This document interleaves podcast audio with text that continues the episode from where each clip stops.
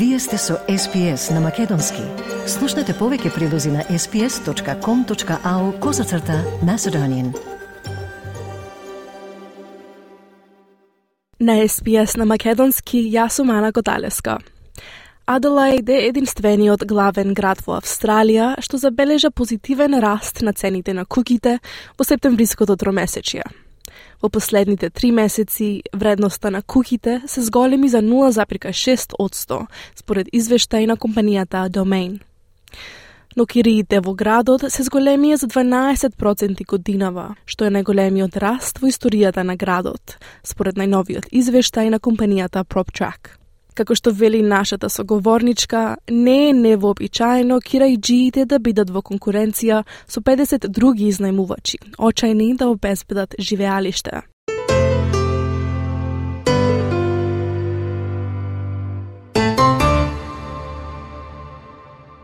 Вие во моментов барате дом за изнајмување во Аделаид. Какво е вашето искуство во моментов? А, па да, интересна тема за која мислам дека многу се зборува во последните неколку месеци на австралиските медиуми.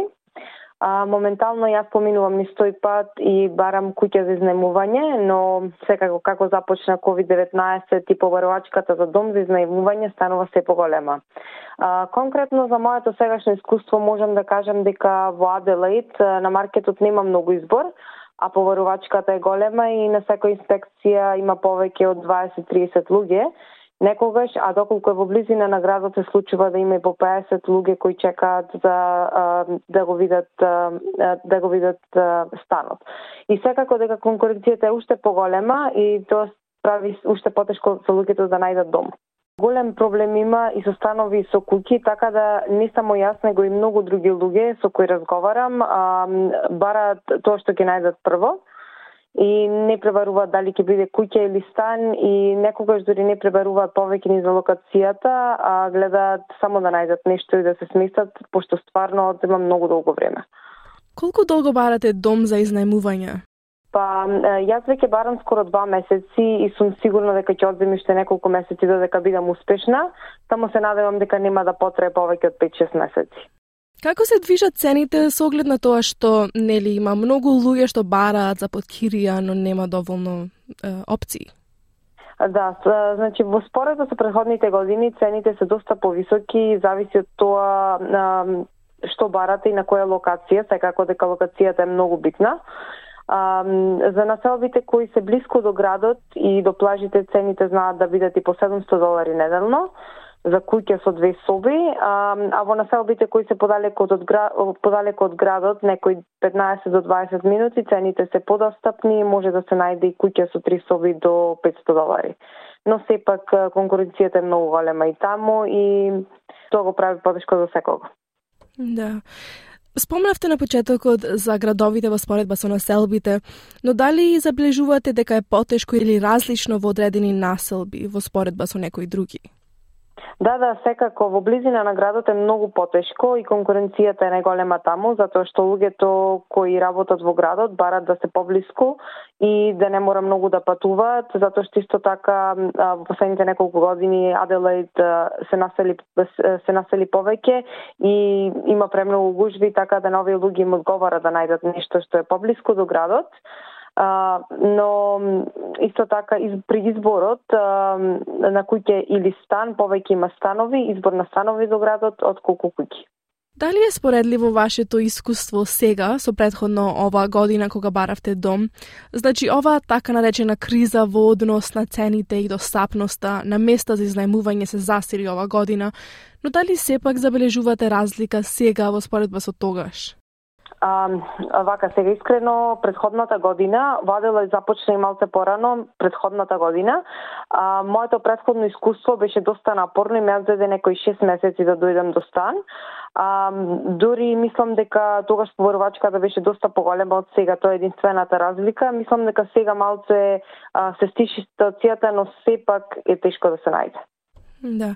И нели сега ќе започнат повторно да доаѓаат мигранти и ваделеди во другиве места, така да неверојатно уште потешка може да стане ситуацијата. Да, да, а, мислам дека секаде ќе биде уште потешко затоа што како што разговарам, а, имам и претходно искуство во Сиднеј, А во Сиднеј искрено јас лично имам позитивно искуство и никогаш сум немала проблем со пронаоѓање на место за изнемување, но во моментот кога разговарам со блиски роднини и пријатели, раскажуваат дека и таму поварувачката е преголема во моментот и дека цените на кириите се доста повисоки за разлика од Аделаид.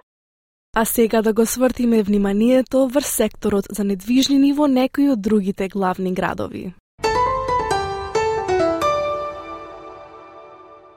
Цените на куките се соочуваат со некои од најострите намалувања, со што просечната вредност се намали за околу 53.000 од врвот оваа година. Најновиот извештај за цените на куките од компанијата Domain покажува дека вредноста низ главните градови се намали за 4,9% во последното тромесечие, во споредба со март кога цените го достигнаа највисокото ниво. Никола Пауел од одделот за истражување и економија во Домейн изјави за SPS News дека иако цените се намалија во текот на последното тромесечие, тие се уште се значително повисоки отколку во периодот пред пандемијата. While prices are falling and they have fallen rapidly over the September quarter, they remain significantly higher than what they were uh, before the recent pandemic property boom. It does vary depending upon the capital cities, but we've got still got all capital cities above what they were pre-pandemic, anywhere from 17% to 47%.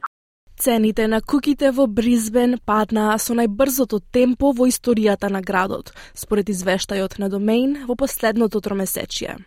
Цените сега се 4,3% пониски од врвот во јуни оваа година, што е намалување од околу 36.000 долари. И покрај острото намалување, цените на куките остануваат 13,3% повисоки од пред една година. Адам Даунс, агент за недвижнини во Квинсленд за ABC, вели дека побарувачката сепак ја надминува понудата. The bidding started at $1 million and uh, we ended up actually going above the seller's expectations, selling under the hammer for $1,370,000. People just aren't acting with that fear of missing out, so we're not seeing that frenzy that we saw six months ago. Um, however, there's willing buyers and you know, the properties that are coming onto the market are selling. И во Канбера цените на куките се намалија во текот на септемвриското тромесечие, што е најострото намалување досега. Вредноста е 6 од 100 пониска од врвот во декември 2021, што е намалување од 70.000 долари. Сепак цените на куките се 320.000 долари повисоки отколку во периодот пред пандемијата. Вредноста на домовите во Хобарт се намали второ тромесечје поред за прв пат од 2014 -та. Цените се намалени за 3,3 од 100 од врвот во март, што е разлика од околу 25.000 долари. Во Дарвин цените се намалија за 3,9 од 100 во последното тромесечје.